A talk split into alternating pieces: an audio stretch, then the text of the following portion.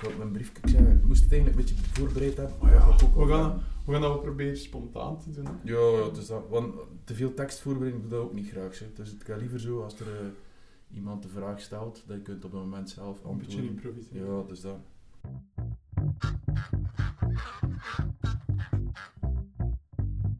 Dit is uw podcast over de jacht. De Overjacht Podcast. Welkom iedereen, ik ben Diederik, uw eh, gastheer zoals in elke aflevering. En we gaan kennis maken met een nieuwe gast die zijn of haar blik werpt over de jacht. Ik ga een paar korte vragen stellen, gewoon kort antwoorden. Dus eh, we gaan beginnen met, wat is uw naam? Mijn naam is Christophe van de Woestijnen. En in welk jaar ben je geboren? Ik ben geboren in 73. Wat is uw lievelingsseizoen? Ja, zoals elke jager, de herfst waarschijnlijk. hè. Dat is de lente van de jaren. Ja. en wat doe je dan in het dagelijkse leven? Eh, in het dagelijks leven ben ik eh, voornamelijk textieldesigner, tapeetontwerp en grafisch ontwerp. Dat, zijn, eh, dat is de sector waar wij in zitten. Oké, dat is een hele hoop. Dat is een hele hoop, ja. We hebben, helaas is het niet altijd een hele hoop werk. Moeilijke sector soms, zowel in textiel als tapijt, als ook in het grafische. Je hebt dat de, ja, altijd wel wat, wat sectoren die het wat moeilijker hebben en textiel is algemeen geweten. Toen dat wij gestart zijn eh, in textiel in 98 waren we met, ik weet niet, een twintigtal gelijkaardige studio's zoals die van ons. Ehm, nu zijn we, dat was voor, voor de streek dan Kortrijk, Waregem, eh Oudenaarde. Ik denk dat we nu in Europa nog maar een stuk of drie, vier zijn. Dat is het. Dus eh, je ziet dat er heel hard gesnoeid geweest is. En dan naar een andere stap, maar daarover gaat het eigenlijk eh, vandaag vooral. Wat betekent de jacht voor u? Wat betekent jagen voor u? Dat is een heel lang verhaal. Dat is oké, dat is zeker oké. We kunnen daar heel erg uitgebreid over gaan. Ik ben beginnen jagen, toevallig ingerold in 2006 via mijn neef. Die zijn toenmalige vriendin, nu eh, echtgenote. Eh, zij, zijn, eh, haar grootvader tenminste, die had een, een jachtveld, kleinwildjacht van zo'n eh 1100 hectare bij ons in de streek. En wij kwamen heel goed overeen, of komen heel goed overeen. En, eh, Gelukkig. Gelukkig. En hij vroeg mij van, ja, ga je een keer niet mee gaan drijven, zo op kleinwildjacht? En ik had zoiets van, ja, jacht, dat zegt mij totaal niks. Eh, en zo zijn we daarin in beland, mee geweest, één keer, twee keer, drie keer, enzovoort. En op een bepaald moment gezegd van, laat ons samen het jachtexamen doen. Het lijkt mij wel om dat te doen. En op die moment is dat, zoals bij heel veel mensen in de jacht, een beestje dat je bijt en niet meer loslaat. Ja. En tot op de dag van vandaag eh, is dat extreem, volgens mijn vrouw. Ik hoor dat, ook wel, eh, ik hoor dat ook wel veel van, Ja, eh, van dat ook wel hetzelfde is van, eh zit het dat weer met je jacht? Eh, dus ja, jacht maakt een heel groot deel van mijn leven uit. Niet alleen het praktische van jacht, maar ook alles wat dan met eh, ervaringen, met helpen van andere mensen binnen de jacht enzovoort. Dus eh, na mijn gezin en het werk staat jacht eh, op de derde plaats. Ja, daar gaan we straks ook naadloos tot een van die onderwerpen overgaan. ja. Waar jaag je dan vooral? Dat is begonnen bij ons in de streek in Anzegem. Anzegem, Deerlijk, Waregem, Vechten, op Kleinwild. Na enkele jaren meedrijven en meejagen met de vaste jachtgroep eh, kwamen de vragen van vrienden van ga je een keer niet mee naar daar en daar. En uiteindelijk zijn we in Dardenne terechtgekomen. Nee, zelfs niet in Dardenne. Dat was, eh, de eerste grootveldjacht was in, in Duitsland, in Hellentaal. Eh vlak bij de grens, Butgenbach, Rochrad, Bullingen enzovoort. Ja. Ehm, daar zijn we dan begonnen. En ja, zo is dat traag gegroeid naar redelijk veel in Duitsland, eh, maar al een beetje overal gezeten. Eh, Spanje, Polen, Tsjechië, Frankrijk, Duitsland, Nederland. eh, ja, Gans. Europa. Ja, de, de redelijk wat stukken Europa hebben we al gezien, door de jacht. Ja, kijk. En, en begrijp ik het dan goed dat je, ik zeg hier juist ook sinds 2006 in de Ja. jacht dus je bent er ook niet van kind af aan in... Nee, nee, ja, ik was 33 toen dat ik Ja. begonnen ben, er toevallig ingerold. Dus ik kom, kom niet uit de jacht. En wel door familie die ook in de jacht gerold is, ben ik er zo ook in gerold. Ja, ja. Oké, top. En nu als laatste vraag. Wat is uw favoriete type jacht? Eh, zonder twijfel bergjacht. Dat is, eh, ik vind dat super om te doen. Eh, een moeilijkheidsgraad die niet te vergelijken is met, met een typische drijfjacht of drukjacht. Eh, je moet alles geven, eh, maar heel veel rekening houden. Eh, het kan eens vruchtloos zijn, maar we hebben tot nu, tot, tot nu toe al redelijk wat eh, geluk gehad, laat het ons zo zeggen. Ehm, en goede voorbereiding. Dat is alles in, in bergjacht. Eh, inschieten van uw wapen, ook op langere afstanden. Ehm, ja, de fysieke en mentale druk en, en uitputting dat je krijgt door zo'n jacht, ja, dat spreekt me meestal aan. Helaas is dat niet altijd... eh, het zijn meestal verre reizen. Hè. Als Schotland kunnen bergjacht doen, eh, in, in Oostenrijk zijn we geweest, eh, Spanje zijn we geweest. Ja, dat, dat is toch iets helemaal anders dan de, de typische drukjacht Ja. of drijfjacht. Pas op drukjacht vind ik ook wel een van de mooiere manieren om te jagen. Ik heb er leren kennis mee maken door eh, misschien u bekend Dirk Rendors, Ja. die op dat gebied wel een, een autoriteit is, die weet waar hij mee bezig is. En eh, als je dan ziet het verschil tussen drijfjacht en drukjacht, zeker de stille drukjacht, ja, dat is een heel mooie manier van jagen. Mhm.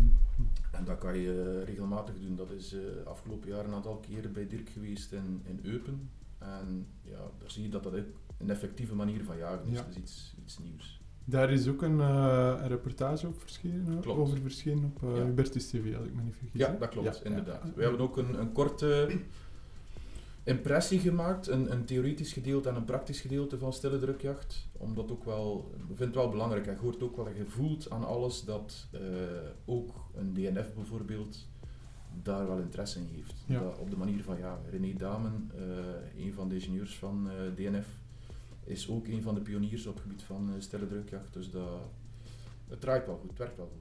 En kun je voor de luisteraars die niet bekend zijn met het begrip van stille drukjacht, dat ook even kort toelichten? Een, een echte stille drukjacht, zoals dat ik het leren kennen heb onlangs, gaat er eigenlijk over dat je eh, niet zoals een typische drijfjacht een gebied afzet, waar je met eh 30, 40 jagers rondstaat, waar de drijvers in de midden lopen, eh, het wild naar buiten jagen en dat je moet wachten tot het wild de lijn gepasseerd is. Eh, of tenminste de 30 graden, Ja, veilige ja. zone enzovoort. Maar dat je eh, drukjachtstoelen over een gans gebied hebt. Dus het is een heel andere manier van ja, je schiet ook van op een hoogzit, ehm 360 graden, maar ook niet verder dan 40, 50 meter. Rekening houden met het feit dat er constant uit elke hoek een drijver kan komen. De drijvers houden ook geen lawaai, dus dat is een Hm. stille drukjacht. Het woord zegt het zelf. De mensen lopen gewoon rond in het gebied, hebben ook een vast kwadrant waar ze in lopen. En die lopen dan gewoon twee, drie uur aan een stuk in hetzelfde stuk rond. Met twee of drie per sectie. Ja, En de honden die lopen in principe ook aan de lange lijn. Dat is niet overal mogelijk, hè. pas op, eh, dat snappen wij ook wel. Maar in de meeste gevallen zie je toch wel aan de lange lijn dat het ook wel gaat. ja. Hele dichte dekkingen is dat ook wel moeilijk. En, Ja. eh, maar er zijn altijd mogelijkheden. Ja. Maar effectief, effectief. Nogmaals, een van de laatste keren dat ik eh, stille drukjacht gedaan heb. Ik dacht, als ik het nog goed voor heb, eh 17 stukken wild op tableau met 22 kogels. Dat was hier ook in Eupen. Dat was in Eupen, ja. ja. Dus doet dat in, in drijfjacht zo'n tableau en dan eh, zit je aan een veelvoud van het Ja. aantal kogels. En ook, ik denk dat er geen één stuk slecht geschoten was. Je hebt ook de, de, eh, de verplichting, laat het ons zo zeggen, van enkel te schieten op wild dat stilstaat of stapt. Niet op hoogvluchtig wild, Ja. daar wordt gewoon niet naar geschoten. Ja. En dat zegt mij om ethische redenen dan veel meer dan drijfjacht. Ja. Je bent ook zekerder van je stuk natuurlijk, als je... Ik zei, je, moet ook ja, je vinger kunnen gestrekt houden. Ja. Als er een dier voorbij komt gelopen, het zal wel stoppen 50 meter verder bij je buurman, die dat wel een kans heeft. Dus je moet ook mensen kansen geven. Mhm. Dat, is, dat is ook een beetje anders dan hetgeen dat je gewoon bent. Als, als er een stuk in drijfjacht buiten komt gelopen, ja, het is jij en je buurman hebben Ja. kans, Ja. dus schieten met twee. Maar in stille drukjacht is dat compleet anders. Oké, goed. Ik ben blij, blij Christophe, eh, dat je mijn eerste gast mocht zijn in de Overjacht podcast. Nu, van waar moeten de mensen nu kennen? Van waar kennen de mensen nu vooral? Ik weet niet of dat de mensen mij kennen in eerste instantie. Mensen die mij eh, misschien kennen, dat zal in een, de beginfase geweest zijn. Ik ben nu ondertussen een, een jaar of zes, zeven bezig met Jachtsite. Ehm, dat was eigenlijk een platform dat ik gemaakt had omwille van het feit dat ik niet uit de jacht kom. Dat er heel veel vragen waren, ook bij mij, van hoe moet ik een Nederlandse akte aanvragen? Hoe zit dat met de Duitse jachtschein? Ehm, ik ben op zoek naar jachtaandeel, waar kan ik dat vinden? En al die zaken heb ik een beetje gebundeld op een website. eh, om startende jagers te kunnen helpen. Op die manier hebben zij een, een, een database en kunnen zij kijken op de site van ik zoek iets, vult uw vraag in op de website en je zult wel een antwoord daarop vinden. Ehm, en daarnaast probeer ik ook aan niet-jagers uit te leggen van waarom jagen wij eigenlijk. Want dat is vooral belangrijk in de jacht. Als je ziet hoe dat we constant aangepakt worden, ja, dan moet je eigenlijk kunnen uitleggen waarom dat je het doet op een goede manier. En Ja. de voorzitter van de Franse Jachtfederatie heeft daar een, eh, een hele mooie quote van eh, jacht moet je niet verdedigen, maar uitleggen. En dat is ook zo. Klopt, daar wou ik ook nog op terugkomen. En dat brengt ons eigenlijk direct tot... Naadloos tot het volgende. Voilà. en dat brengt ons tot de Jagersliga, hè, waar dat je denk ik ook wel heel veel tijd in steekt. Vertel me eens, wat is nu de visie van de Jagersliga? En vooral, misschien eerst, hoe is dat eigenlijk ontstaan om, om de Jagersliga op, op te zetten? Ja, we zijn daar, eh, ondertussen is dat eh, twee jaar en een half, drie jaar geleden dat, we, dat het idee ontstond van... ehm, er kwam nogal wat vraag vanuit de jacht, via jachtsite dan.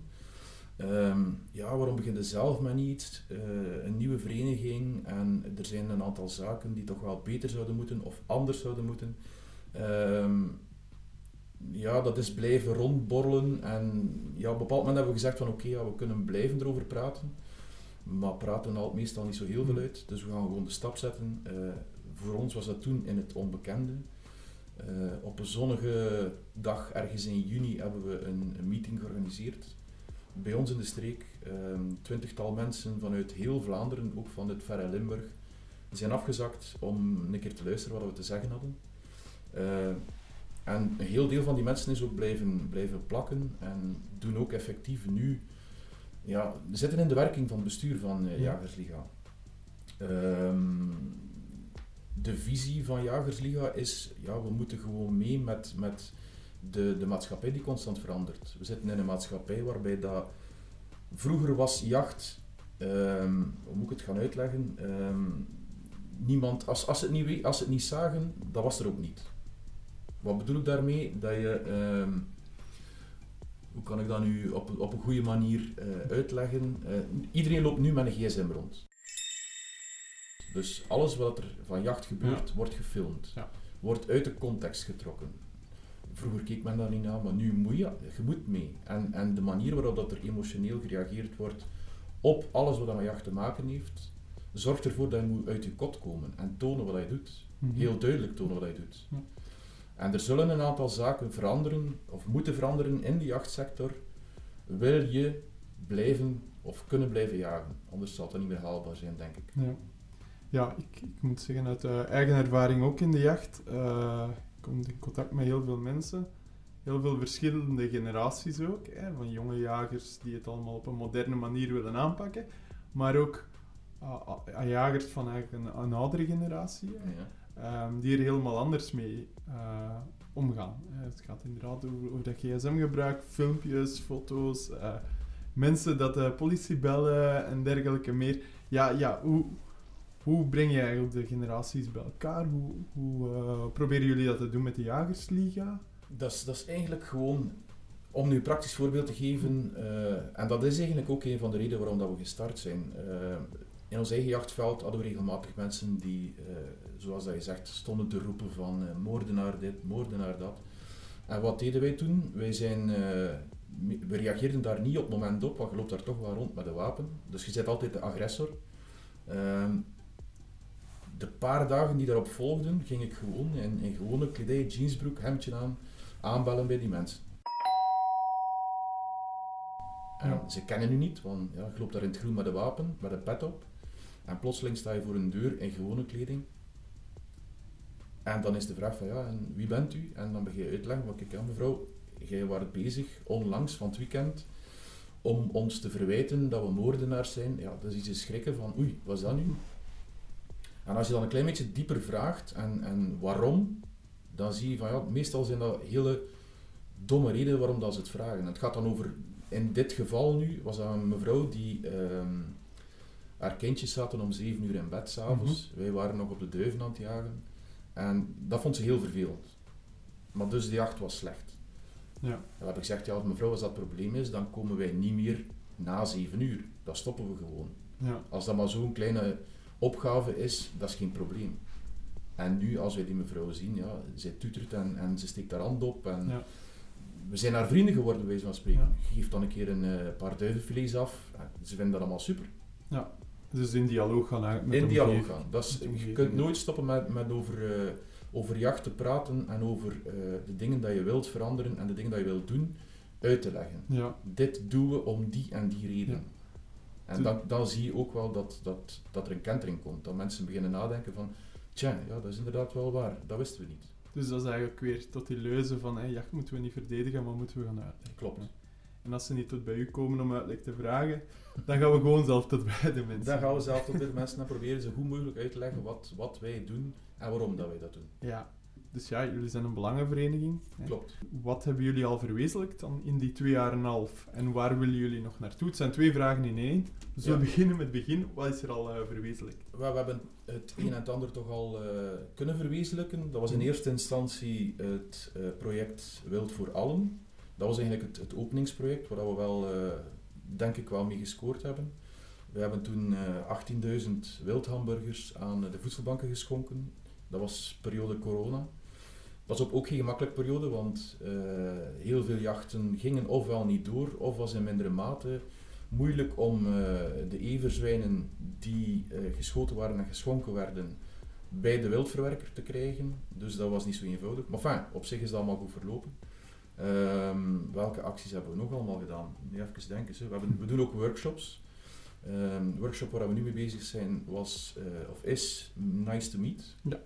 Dat gaat over eh, wildversnijden, omdat we ook wel zien dat heel wat startende jagers die niet uit een jachtfamilie komen, ook die kennis niet hebben. Je moet geen slager zijn, hè, eh, maar je moet denk ik wel weten hoe moet ik een stuk wild versnijden om er optimaal te kunnen van genieten. Ja. En op die manier, ja, ik denk dat we vijf of tien workshops hebben eh, nu de komende maanden in elke provincie. En dat zat op, op minder dan een dag zat dat vol, 50 man. Dus ik denk dat dat niet slecht is. En dan zie je ook wel de noodzaak aan zo'n eh, workshops. Ja. We hebben een workshop uh, eendebroedkorven gehad. Dat was in Bocholt, een testcase, om een keer te kijken, is er inter interesse voor? Ehm, mensen waren heel enthousiast. Dus we gaan zien, workshops zijn, zijn iets dat we meer willen mee doen. Ehm, een meldpunt opgericht voor uh, agressie en vernieling. Ehm, nu willen we dat wel samen met HVV gaan uh, op één, één en hetzelfde punt doen, omdat uiteindelijk zijn we veel sterker samen. We hebben dat ook, uh, ja, we zijn er ook al, al een tijd mee bezig. Uh, zijn daar nog acties die we gedaan hebben? Ze staan eigenlijk allemaal op onze website uh, jllc.be slash acties. Daar kan je ze allemaal zien. Ik denk dat er een stuk of 12, 13 zijn ondertussen. Ook jacht buiten het seizoen. We hebben de actie gehad van, met Peter de Klerk, ja. de barbecue-man, de kok, die Peter was van onze actie. Ehm, die ook geholpen heeft met, met video's maken. Uh, hoe kan je wild uh, een ree versnijden bijvoorbeeld. Maar het is nog altijd beter van dat, dat praktisch te doen. Ehm, zijn daar nog, ik ben nu aan het denken hoor, hebben zelf nog... ja, de, ik, ik, herinner me de kleiduifschieting ook nog, dat ja. jullie hebben meegedaan. En, ja. Of over de weideschietingen, dat jullie met alle provincies hebben deelgenomen. Ja, we zaten toch... Ay, dat, was een, dat was geen, eigenlijk een actie van ons uit. Dat was een, een kleischieting, een ploegenschieting in Aalter waar um, ik al sinds het begin, sinds 2006, bestaat die kleischieting. Ga ik al sinds 2006 naartoe. Uh, super georganiseerd, uh, heel mooi aan elkaar gestoken. En ik dacht van oké, okay, laten we de oproep doen. Wie heeft er zin om, om uh, mee te doen? En ik denk dat we met meer dan 70 leden van Jagersliga eraan deelgenomen hebben. Dus dat was wel impressionant, moet ik zeggen. Dat was wel tof. Ja. Het was ook een mooie dag, toch? Het was een schitterende dag. Lekker van eten, goed bijpraten met iedereen.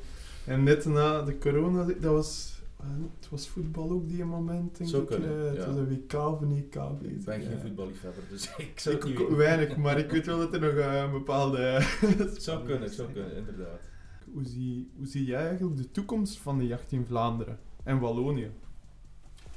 Wel, als ik uh, mensen hoor over jacht, er zijn nogal wat jagers die, ik ga het nu voorzichtig zeggen, hè, die nogal kunnen klagen over van ja, het is niet meer zoals dat vroeger was. En dat klopt ook wel. Uh, vroeger op de kleinwildjacht waar wij jagen, de tableaus waren ook groter. Wij hadden in plaats van de 40 hazen die wij nu op een seizoen schieten, hadden wij 20, 30 hazen per dag en we jaagden 9 dagen per jaar. Nu jagen wij op, op 500 hectare jagen wij drie maal. Zonder te veel druk te geven, wij proberen zoveel mogelijk rekening te houden met de tellingen. En dat is wel haalbaar. Maar als je alles bij elkaar rekent, inderdaad, je ziet de tableaus van haas, van fazant, van patrijs, die gaan jaar na jaar verminderen. Maar wij kijken eigenlijk naar het tableau dat je schiet op jaarbasis. En dat is niet enkel haas, fazant en patrijs. Maar er zit voor ons vooral ook houtduif bij. Mhm. Kraai, ekster, kou, Mhm. vos. Jammer genoeg, soms een beetje te veel.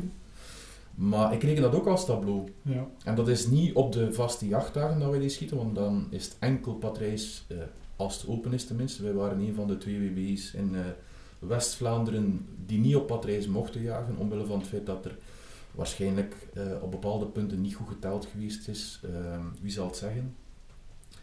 Ehm, en de patrijzen zijn bij ons redelijk goed. Ik denk dat wij in onze eigen jachtgroep, en we zien dat nu ook, ik zit ook in het bestuur van uh, WWI Wils, Wilsberg Hollandries. Ehm, en daar zijn we nu ook bezig. We hebben alle tellingen op papier laten doorgaan. En we zijn nu met bestuur bezig met alles handmatig via de PC in het systeem van ANB te steken. Dus uh, we zien dat wij wel goed zitten, dat we rond de vier koppels per 100 hectare zitten. Dus ik denk dat we een, een, een, de goede kant op gaan. Dat Ja. we dit jaar hopelijk terug mogen op patrijs jagen. Alhoewel dat er nog altijd redelijk wat jachtgroepen zijn die er gewoon niet op jagen. We Ja. hebben ook drie jaar er niet op gejaagd. Omwille van het feit dat hele droge zomers waren, eh, dan moet je die diertjes niet extra gaan, gaan belasten door erop te jagen. Ehm, maar nogmaals, ja, het, is, het is een andere manier. Het is veel meer beheerjacht dan ja, echt jagen voor, voor plezier. En nogmaals, ik zeg dat ook tegen iedereen, plezierjacht, ja, ik jaag voor mijn plezier. Ik jaag niet om effectief aan beheer te doen. Komt erbij. En dat is goed, hè. Dat is goed. Mhm. Nogmaals, eh, in het veld zitten, kraaien verdelgen, alleen, waar je soms op een hele voormiddag één kraai schiet, ja, so be it, maar je hebt tijd om bezig te zijn met enkel jacht. Ja. En je bent met geen andere zaken bezig. Ja. En dat is, dat is het mooie eraan. Dat klopt, dat kan ik ook ervaren. Ja. Ehm, voordat we overgaan naar het volgende deeltje, dat is ja, een, een, eh, een leuke anekdote. Je kunt er al eens over nadenken. Leuke anekdote. ja. Wil ik aan de luisteraars toch vragen om, indien dat je dit een leuke podcast vindt, ons toch vijf sterren te geven, om ons te volgen op alle sociale media, zodat de mensen ons gemakkelijk kunnen terugvinden. Nu, als je opmerkingen hebt of wil je zelfs aanwezig zijn om, eh, als gast of heb je onderwerpen, kun je steeds terecht op eh, www.jachter.eu onder de rubriek van de podcast en daar kun je dan het contactformulier invullen. Goed, Christophe. Dus we kunnen nadenken over een, een anekdote. De anekdote. Dat is eigenlijk een goede vraag. Er zijn zoveel anekdotes om daar zo eentje uit te halen. Misschien kan ik het gemakkelijker maken. Doe maar. Misschien een van de eh, iets dat u het meest bijblijft, of misschien het meest gênant was. Gênant heb ik eigenlijk nog niet gehad. Een leuke anekdote onlangs, dat kan ik wel vertellen, was... ehm, wij waren met, met twee uit onze jachtgroep op eh, bijzondere bejaging van de houtduif op de tarwe. Op een bepaald moment komt er iemand buitengelopen die begint opnieuw te roepen en eh, te schreeuwen van... Ik verstond niet wat hij zei. En de andere persoon die erbij zat, was iemand... Wij hebben bij ons op de jacht hebben we een, een duivenaandeel noemen we dat. Waarom hebben we dat gedaan? Omwille van het feit dat eh, er heel veel jonge jagers zijn die niet aan de bak komen, die moeite hebben om ergens bij te geraken. En wij hebben op een bepaald moment met onze jachtgroep beslist van oké, laten we die mensen ook een kans geven. Ten eerste is dat goed voor hen, voor in een netwerk terecht te komen. En ten tweede komen ze ook, eh, wij helpen ook de landbouwers ermee, want we kunnen niet elke dag in het veld staan. Eh, we hebben ook ons werk en andere activiteiten. Ehm, en het geld dat ze daarvoor betalen, we hebben daar een, een minimumbijdrage van, ehm, ik, zou ik denk dat het 250 euro per jaar is. Mensen mogen elke dag komen jagen bij ons. Rechtbekken zijn heel het jaar open, dus eh, dat is geen probleem. Maar dat geld dat we daarvoor ontvangen, gaat integraal terug naar de jacht. Hm. Vorig jaar hebben wij denk ik 11 hectare wildakkers ingezaaid Ja. met dat geld. Dus dat, is- dat komt altijd voor de natuur komen te goede, de landbouwers komen te goede en de jongjagers komen Ja. te goede. Dus dat is wel tof. En ik zat er met iemand van de jongjagers en ehm, ja, ik stop met jagen, ik stop mijn wapen in de auto, ik loop naar die persoon toe die daar stond te roepen en eh, ik vraag meneer, ja, wat is het probleem juist? Ja, ja, maar jullie zijn hier aan het schieten zo dicht bij het huis. Ik zeg, ja, ik heb mijn afstandsmeter bij. Ik zeg, we, we kijken ook altijd dat we niet dicht bij de huizen staan. We schieten uiteraard nooit in de richting van de huizen, maar we staan op meer dan 350 meter. Dus ik denk ja, dat dat op zich wel meevalt. Ja, maar mijn hond is ehm, heel bang en, en die is hier aan het... eh, ja, doe van alles in huis dat niet mag. En ehm, ik zeg tegen hem, ja, dat is wel vreemd. Bent u hier nieuw in de straat? Ja, nee, ik woon hier al, al 40 jaar. Ik zeg, dat is wel bizar, want wij doen ieder jaar aan bijzondere bejaging. Toen kwam de kat op de koord. Uiteindelijk was er een, er was een, een maand of twee ervoor een schieting geweest. Dus bij ons in de streek, als er een vrijgezellenfeest is, staat er een kanon. Ja. Die noot is daar enorm van geschrokken en sindsdien alles van knallen heeft hij problemen mee. Dus ik leg dat uit aan die man, van ja kijk, we doen dat jaar na jaar, maar ik snap wel dat dat moeilijk is. Opnieuw eh, gepraat met die man en gezegd van kijk, als wij nog eens komen, is dat goed dat we telefoneren op voorhand. En hij vond dat super. Hij zei ook ja, nee, als jullie dat willen doen, is dat voor mij voldoende. Dan ga ik gewoon met mijn hond gaan wandelen en dan zijn we weg. Eh, en laat maar weten wanneer dat je klaar bent en dan kom ik terug. Zo gezegd, zo gedaan. Maar de dag daarna zie ik op een post van onze vriend Dirk Drouwlands een reactie van iemand die uitlegt, uitleg gaf over van, ja, we hebben onze vrienden de jagers gisteren ook over de vloer gehad. Ehm, ze zijn afgedropen met de staart tussen de benen. Ehm, het was nogal lachwekkend. Waarop dat er ook wat reactie kwam van een aantal mensen van ja, jagers dit en jagers dat. Ehm, dus wat doe ik? Ik stuur een berichtje naar die persoon. Ik zeg, ja, meneer, mag ik vragen, bent u toevallig van Vechten? Ah ja, ja, ik ben van Vechten. Ik zeg, woont u in de Rodenbachlaan? Eh, ja, hoe weet u dat? Ik zeg, ja, ik heb een post gezien van Dirk Drouwlands waar u op reageert, waarop u een verhaal doet die volgens mij op mij slaat, maar die compleet het tegenovergestelde is van wat er gebeurd is. Ah, vertel. Dus ik begin mijn vertelling te doen. Ik zeg van wat er, wat er exact gebeurd is. En hij moet toegeven van, ja, hij zei van, ja, ik stond inderdaad achter mijn raam en ik zag dat er wat animo was en ik dacht dat zo zat. Dus dat was een andere buurman eigenlijk? Een andere buurman, ja. oké. Dus eh, uiteindelijk heeft hij dan zich verontschuldigd, heeft hij zijn reactie weggedaan. Ik heb ook gezegd van, kijk, als je een keer zin hebt, kom ik hier mee gewoon op de duiven. Ik wil u alle uitleg doen over wat wij doen. Ik zeg, wij, wij zijn gewoon bezig met beheer aan het doen. Wij moeten de landbouwer helpen. Dat is een... Als je dat niet doet, ja, dan, dan moet je ook niet meer jagen op zijn land. Het is simpel. En is die man al mee geweest? Hij is ondertussen nog niet mee geweest, maar dat komt er zeker nog van. Ik heb er wel goed contact mee nu ondertussen. We zijn ook bezig en hij zegt ook van ja, jullie zijn goed bezig. We zijn bezig met aanplantingen te doen. Ja. En hij is daar heel geïnteresseerd. Hij is ook van de streek, dus hij kent het Ja. gebied heel goed. Dus dat is altijd wel een beetje een wisselwerking. Natuurpunt van hetzelfde. Je hebt mensen van Natuurpunt die ehm, in eerste instantie wat, wat sceptisch staan tegenover hetgeen dat wij doen. Maar wij werken ook samen met Natuurpunt eh, bij ons in de streek. Ze hebben een gebied gekocht, een, een bos gekocht, bosje gekocht. Ja, het enige dat we moeten doen is gewoon bellen op voorhand. Van, Ja. die dag gaan we daar jagen. Geen probleem, doe maar. Hm. Praten is heel belangrijk. Goede communicaties. Communicatie is alles. Ja. Oké. Dat dat een les zijn ook voor veel mensen die eh, misschien niet altijd aandurven om eh, in communicatie te gaan met de omgeving. Want- Ja, wat kunnen ze doen? Ze gaan er niet omverschieten. Hè. ik denk dat, dat sowieso alles... Zolang dat ik kan praten met de mensen en uiteindelijk... En dat is met Jagersliga ook zo. Hè. We, hebben, we hebben gezegd van, kijk, ongeveer 10% van de mensen is pro-jacht. 10% is anti-jacht. 80% heeft eigenlijk geen mening over jacht. Dus op wie moet je focussen? Dat is op die 80%. Ja. Om uit te leggen wat wij doen. Ja. Doe je dat niet, dan kan je binnen enkele jaren inderdaad beginnen twijfelen, zal jacht nog bestaan? Zal het nog kunnen? Ja. Helaas beseffen die mensen ook echt niet wat de gevolgen zouden zijn als er niet meer mag gejaagd worden. Ze krijgen ook enkel mee wat ze, wat ze meekrijgen op de Klopt. media en lezen op, op sociale media. Klopt. Ik Dus- weet niet of dat je toevallig het debat gevolgd hebt, eh, was het deze week, of, of vorige week tenminste, over de trofeejacht in Afrika. Nee, nee, ik heb het niet gevolgd, maar ik heb er wel dingen van gehoord. Ja. Het is uiteindelijk door alle partijen een, een geen wetsvoorstel, maar een eh, resolutie die eh, door het voltallig, eh, voltallig parlement is goedgekeurd. Hm. Dus ehm, dat is ook terug op, volledig op emotie gespeeld, niet volgens de correcte feiten. En dat is jammer dat we nu eigenlijk aan, moet ik gaan zeggen, omgekeerd kolonialisme aan het doen zijn. Mhm. Wij gaan vanuit België zeggen wat niet meer mag in Zuid-Afrika Ja. geschoten worden. Ja, ik vraag me ook af, eh, de mensen die het daarover gaan, hoe ver dat hun kennis ook reikt. eh, Geen, want het wetsvoorstel was er en uiteindelijk is het wetsvoorstel door de Raad van State verworpen geweest. Hm. Maar nu is de resolutie. Ja, Dus in principe kan de minister er nog mee doen dat hij wil. ja.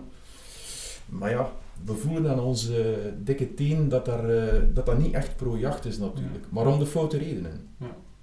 Als, als je kijkt naar jacht op, eh, en dat is nu een, het typische beeld van trofeejacht. En er zullen niet veel Belgen zijn die markoor gaan bejagen in Pakistan. Maar ook National Geographic, ook een Amy Dickman, ehm, ook een Jens Ulrich, die daar volop mee bezig zijn met uitleggen. Amy Dickman is een eh, dokter in, ik weet niet wat dat juist is, De correcte titel van Amy Dickman is Professor of Wildlife Conservation en Director at the University of Oxford. zeker in Afrikaanse landen. Ehm, maar die ook zei van ja, je moet niet op de emotionele kant spelen, want dan ga je net ervoor zorgen dat bestanden terug naar beneden gaan. Neem nu de markoor, is door, dankzij jacht, in populaties enorm terug aan het stijgen. Ja. Wat heeft dat als gevolg? Dat ook het sneeuwluipaard, waarvoor die als, als prooi de markoor heeft, het goed doet, of beter aan het doen is. Ja. Sluit de jacht op markoor terug en het gaat terug naar beneden. Ja. Het sneeuwluipaard is beschermde diersoort, gaat er nooit mogen op gejaagd worden. Maar als je de prooidieren die zij hebben Hm. loslaat, dan ga je vroeg of laat, dan worden ze ook gestroopt. Ja. Geen economische waarde aan een dier en die dieren gaan gewoon weg. Ja. En dat moeten mensen inzien. En dat klinkt misschien cru, maar het is wel een, een economische waarheid. Als er geen geldbedrag aan een dier hangt, dan heeft voor de mens geen nut, tussen haakjes. Ja. Ja, het is, ik Het is had- een moeilijke, Het is een moeilijke, ja. ja. En in, eh, als je het gaat vergelijken naar hier, is het ook... allee, we zitten hier met een ander, totaal ander type Tuurlijk. dieren, Ja. maar ook een andere eh, redenen om te gaan jagen natuurlijk. Absoluut. Dus ik denk dat ook elk land, of ja, elk continent in dit geval, eh, eh, apart ook moet bekeken. Klopt, klopt. En Hier hebben, we, hier hebben we genoeg te doen, kwestie Ja. van, van rechtbekken. Hè. Je ziet dat ook wel dat er veel mensen zijn die daar eigenlijk een beetje te weinig moeite voor doen om die te bestrijden op een goede manier. Maar als je ziet welk effect dat, dat heeft op je kleinwildbestand, dat is immens. Ja. Hetzelfde met vos. Ik heb vandaag nog een, een post gezet over, ik denk dat een, een mevrouw was die aan het wandelen was met haar chihuahua eh, in Watermalbosvoer. Hm. Die ehm, chihuahua is gepakt geweest door een vos. En in de Brusselse rand mag niet gejaagd worden. En ik heb dat ook op de post gezet. Eh, onze groene vrienden zeggen wel van ehm, snoeien doet bloeien als het over predatoren gaat. Maar in Brussel wordt er niet gesnoeid en het bloeit ongelooflijk. Dus Ik, eh, de, de vos heeft er ook niet meer zoveel schrik. Hè. Nee, ik, hoorde, ik hoorde van een kennis onlangs eh, die op een werf zat in het midden van Brussel. ja, En de vos liep voorbij op twee meter van hem. En hij keek naar, ze keken naar elkaar. En ja, die vos bleef gewoon staan. Dus ja, Nee, maar dat is, rij s'nachts eens rond in Brussel, in het centrum Ja. Brussel. Dat zijn opportunisten, die gaan, die gaan de vuilnisbakken gaan leeghalen. Er is voeding genoeg te vinden in Brussel. absoluut. absoluut. Goed, ehm, aangezien dat de tijd eh, voorbij gaat, eh, wil ik overgaan tot het laatste stuk. En dat gaat dan misschien ook, eh, komt dat weer neer op, op wat je juist al hebt verteld over wat jullie gaan doen met Meet the Meet. Hè? Of, Nice to meet. Nice to meet, Ja. ja. Waar ik ook op ingeschreven ben trouwens. Ik Ja, was bij de gelukkige 50. wat is uw favoriete stuk wildbraad? Zonder twijfel Sivet van Haas. Ja. Zonder twijfel. Mijn vrouw kan dat op een sublieme manier klaarmaken.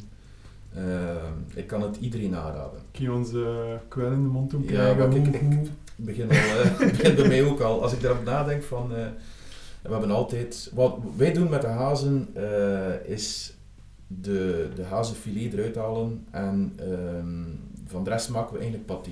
Oké. Maar voor een, een civet heb je natuurlijk een volledige haas nodig. eh, en ja, ze vraagt ook telkens van elk jaar, als er een haas over is, breng hem mee naar huis. Uiteraard breng ik dat mee naar huis. En eh, ja, dat is altijd zalig om eh, twee dagen na de jacht gewoon tijdens de week te genieten van zo'n gerecht. Dat, Ja. is, dat is subliem.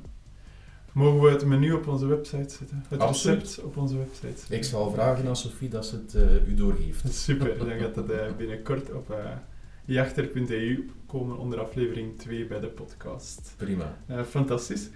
Ik wil u enorm bedanken om hier te zijn vandaag. Maar om af te sluiten, heb jij nog een vraag voor mij? Heb ik nog een vraag voor Diederik.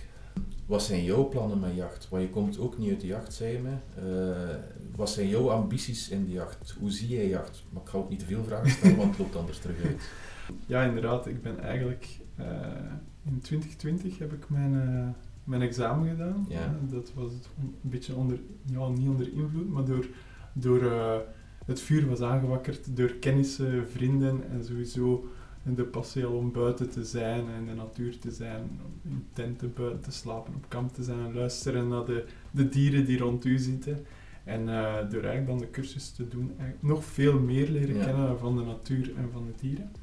Waar wil ik naartoe gaan? Eh, ik ben in 2021 gestart met Jachter, eh, mijn zaak. In tegenstelling tot wat ik in de prelude zei, dat het 2020 was. Het was dus 2021, ik was fout.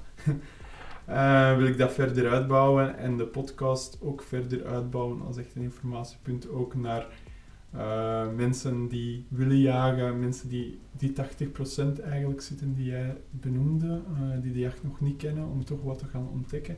En uiteraard zelf ook wel het veld in te trekken, nog meer te genieten van de natuur en eh, veel mensen te leren kennen en veel plezierige en gezellige dagen en, en eh après-chas eh, mee te maken natuurlijk. Ik Dat wens u alle succes daarbij, maar ik zie dat wel goed komen. Ik denk niet dat dat een probleem zal zijn. super. Goed, aan de luisteraars, bedankt om te luisteren.